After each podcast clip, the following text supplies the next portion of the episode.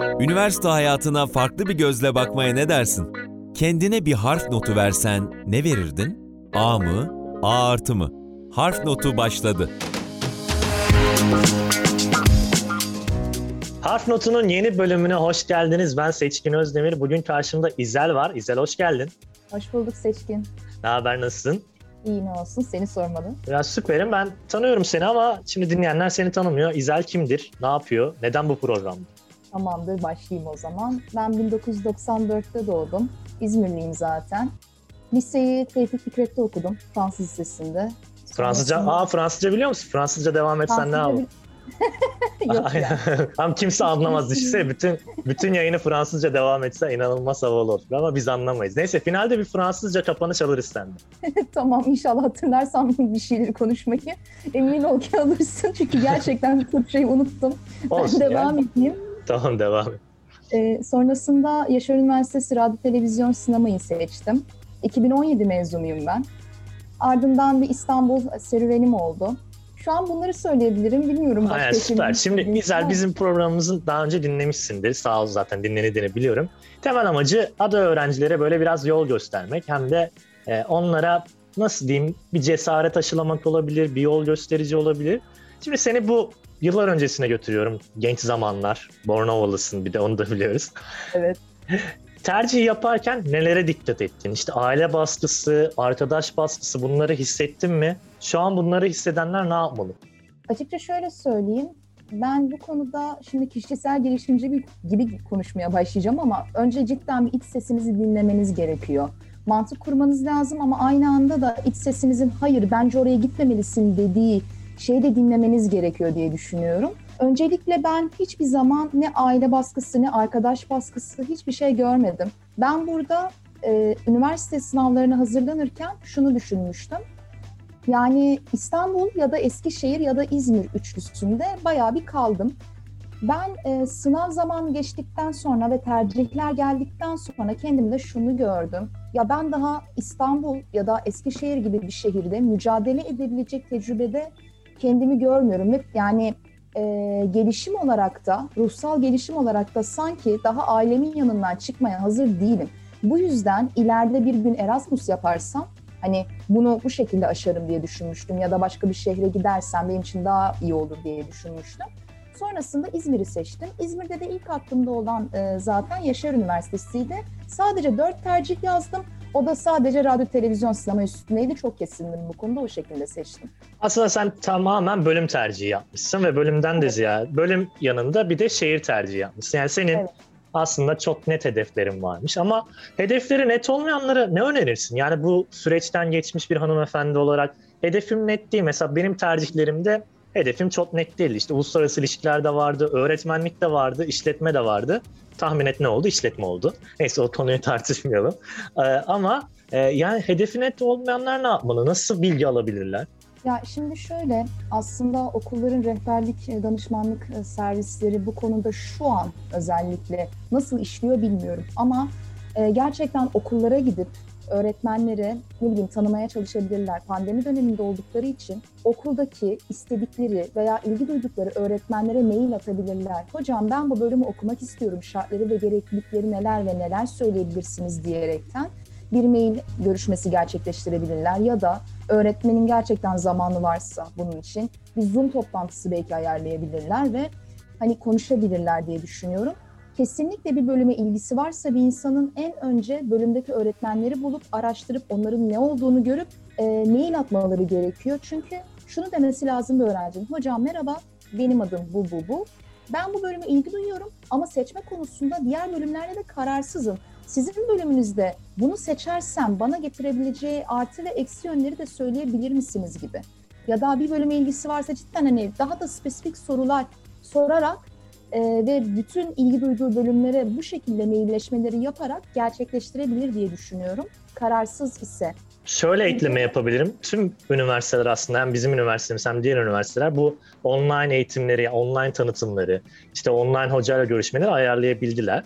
Ee, sen lütfen sözlerimi bitir. Sonra da böyle bir artık bölüme geçelim. Bölümde neler yaşadın onları çok merak ediyorum. Şimdi üniversitedeki e, öğrenciler yani bir bölüm seçerken ilk akıllarında şöyle bir durum oluyor şu an. e, maddi kaygı güttükleri için ileride işsiz kalmamalıyım ve direkt bölüme başlamalıyım diye bir kaygıları varsa onlara şöyle bir şey söyleyebilirim. Biraz daha somut, belki ne bileyim, belki hemşirelik, evet çok daha hızlı alım yapabilir. Belki matematik öğretmenliği, bilmiyorum şu an KPSS durumu yani ne, ne şekilde, her yıl kaç tane öğretmen atanıyor bunlara da bir bakmak lazım ama daha direkt işe başlayabilecekleri bölümleri evet maddi ve ekonomik kaygıları varsa tercih edebilirler. Ama bu kesinlikle ve kesinlikle yani altını çiziyorum. Başka bir hayalleri varsa onları unutmasını sağla, unutturmasını sağlamasın. Çünkü ben öyle şeylere şahit oldum ki 39 yaşında bir kadının hayatını değiştirdiğini, e, devlet opera balesine e, girdiğini, devlet operaya girdiğini, e, orada bir seslendirmen olduğunu, üstüne çok iyi bir şan eğitimi alıp şu an seslendirme stüdyolarında hayalini gerçekleştirdiğini gördüm. Ben buna şahit olduktan sonra hayalleri hiçbir zaman insanın unutmaması gerektiğini öncelikleri varsa onları değerlendirdikten sonra gerçekten hayalleri için bir de koşmaları gerektiğine inanıyorum. Çünkü bir tane hayatımız var ve insan gerçekten istediğini yapması lazım. Yoksa kendini gerçekleştiremeyecek.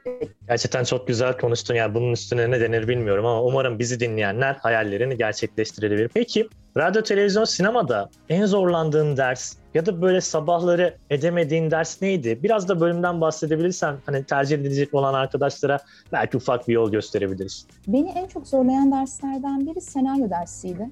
Eğer gerçekten kaleminize güvenmiyorsunuz bazı konularda ya da yaşamdaki tecrübesizliğinizden ötürü ben nasıl bir hikaye çıkarabilirim ki diye bir düşünceniz varsa bu ders sizi biraz e, yaratıcılık konusunda zorlayabilir.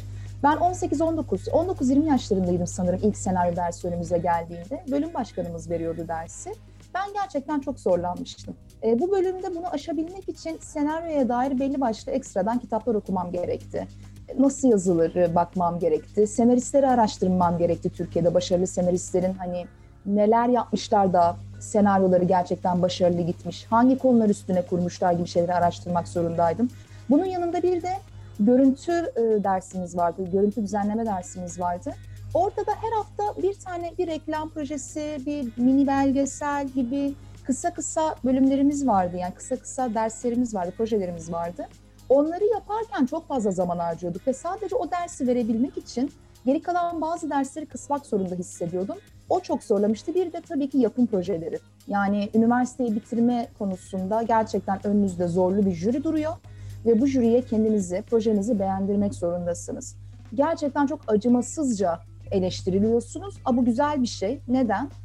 Çünkü aslında şunu görüyorsunuz. Siz bir proje yaparken ama böyle böyle oldu, işte bundan kaynaklı şu bozuk olduğuyla kimse ilgilenmiyor. Önüne çıkan projeye bakıyor insanlar. Çünkü izleyici de ona bakacak.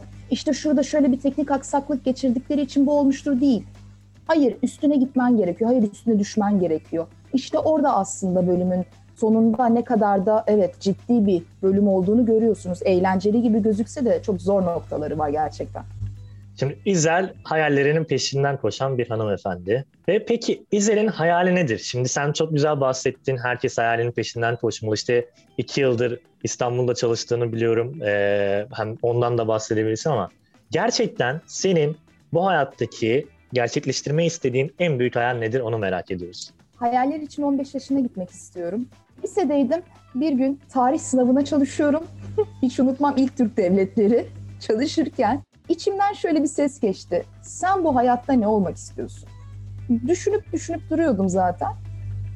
Dedim İngilizce öğretmeni. Hmm, yok bu küçükken düşündüğüm bir şeydi. Hayır bu değil.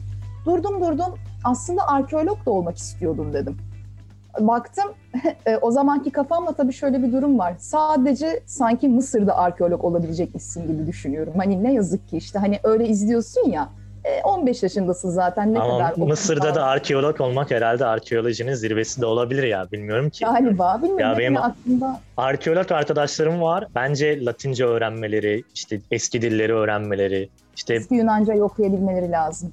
Düşündüm düşündüm. Sonra tam notlarımı çıkarıyordum sınav için. Bir baktım durdum böyle. Aa dedim sen dedim konuşmaya yönelik bir şey yapman lazım. Ya dedim bence sen spiker olabilirsin dedim. Masadan kalktım. Annemlerin yanına gidip anne ben spiker olacağım dedim. Annem ve babam durdu ve şey dedi.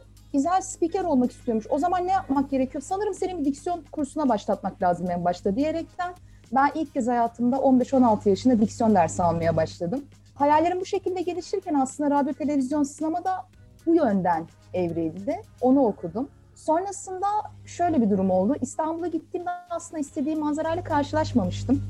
Hayatımda gerçekten çok büyük hayal kırıklıklarını da yaşadığım bir yer oldu İstanbul. Çünkü aslında hiçbir zaman aklınızdaki gibi gitmiyor hiçbir şey. Yani gerçek dünyada bazen oraya ulaşabilmek için o sizin sandığınız yollardan yürünmüyor. Yani belki de çok daha başka bir yeteneğiniz olmalı. Çok daha başka bir şekilde e, böyle işler oluyor ve pişme aşamanız için de bir girişinizin olması ya Hayat gerekiyor. filmlerdeki gibi ya da Türk dizilerindeki gibi böyle bir anda seni yukarıya çıkartmıyor. Yani bir anda yalıda yaşamaya başlamıyorsun. Çok Ya güzel anlattın kesinlikle. gerçekten. Hani Bence bu kesinlikle- top, toplumsalda bir sorun yani. Empoze edilen, e, bizlere empoze edilen bir hayat şekli diye düşünüyorum ben. Sonrasında da bir dijital medya ajanslarında daha fazla çalışmaya başladım. Kimi zaman işsiz kaldım. Orada organizasyon şirketinde çalışmaya başladım. Eğitim danışmanlığına girdim. Hayatımda 6-7 tane sektör gördüm galiba bu sırada İstanbul'da. Hepsinde enteresan maceralar ve anılar yaşadım. Çok dolu geçti aslında İstanbul maceram benim. Sonrasında pandemi nedeniyle ben İzmir'e dönme kararı aldım ama şöyle bir şey oldu. Hayaller bazen yön değiştirebilir. Aynı noktadan yola çıkarak çok daha farklı bir şeye evrilebilir. Ben aynı anda her zaman edebiyatla da ilgilenen biriydim. Ünlü insanlarla, yani daha doğrusu ünlü dediğim benim yazarla, değerli yazarlarla röportaj yapmayı, yani söyleşi yapmayı çok seviyordum. Onlarla kimi söyleşilerim oldu. Edebiyat dünyasında da bir yer edinmek istiyorum hayallerim arasında. Gerçekten de bir yazar olmak istiyorum. Tam anlamıyla bir yazar olmak istiyorum. Şu ana kadar üstünde çalıştığım bazı yazılar ol- olmasına rağmen kendime bunları söyleyemiyorum. Çünkü bunun için bence biraz daha fazla emek vermek lazım. Gerçekten istediğin şeyi çıkarabilmek için. Bunun yanında da benim sesle ilgili konum biraz şekil değiştirerek biraz daha tiyatrovari, biraz daha seslendirme ve dublaj konusuna gitti. Şu anda ayrıyetten drama dersleri, dublaj eğitimi alıyorum. Bununla beraber kendimi de geliştirmeye çalışıyorum. Masal seslendirmesi yapmaya çalışıyorum. Onu da çok seviyorum zaten. Ve dedim ki 25 yaşından sonra, 26 yaşından sonra kendime bir çizgi çekip hani şunu söyleyeceğim. İzel şu zamana kadar belli bir yaşamın oldu, belli bir deneyimin oldu. İstediğin ya da istemediğin belli başlı işlerde çalıştın. Daha çok istemediğin işlerde çalıştın ve bunun sana nasıl bir şey getirdiğini de gördün. Hayallerini gerçekleştirebilmek için öncelikle sabra ihtiyacın var, iyi bir disipline ihtiyacın var ve sonrasında da akışı izlemen gerekiyor dedim. Belki de başka yerlere de gidecek, savrulacaksın ama en azından kendi yolunda gideceksin dedim.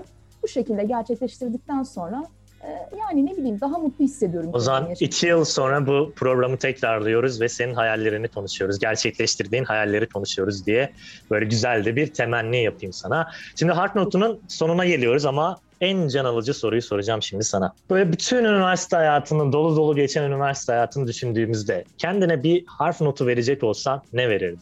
B. 80'den B'dir. Neden? Evet. Neden A değil, A eksi değil? Bunları tartışalım. Tabii ki. Okulumda gerçekten çok güzel arkadaşlıklar edindim. Çok değerli öğretmenlerle tanıştım. Öğretmenler konusunda da bir problemim yoktu. Ee, derslerde olabildiği kadardı aslına bakarsanız. Hani bu bir eğitim sonrası size kalan bir şey. Ama benim herhalde daha farklı beklentilerim de vardı. Şu an bunu nasıl isimlendirebilirim, tanımlayabilirim bilmiyorum. Erasmus da yaptım aslında.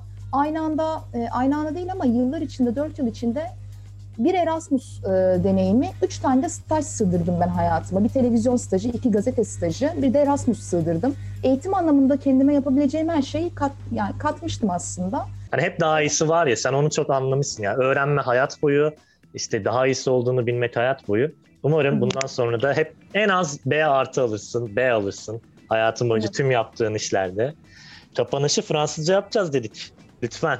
Evet. Bir Fransızca kapanış bekliyoruz senden. Yani en azından hepinize görüşmek üzere bile desen bizim için. Efendim Harf Notu'nun burada sonuna geliyoruz. Kapanışı ben İzel'e bırakacağım. Bizi nereden dinlediğinizi bilmiyorum ama Yaşar Üniversitesi Radyosu Radyo'dan bizi dinliyorsanız dinlemeye devam edin. Kapanış sende İzel. O zaman e, au revoir à tous diyorum ben size. Şu an aklıma sadece bu geliyor. Herkese hoşçakalın. Au Görüşmek- revoir diyorum. Görüşmek, üzere. Görüşmek üzere. Kendinize iyi bakın.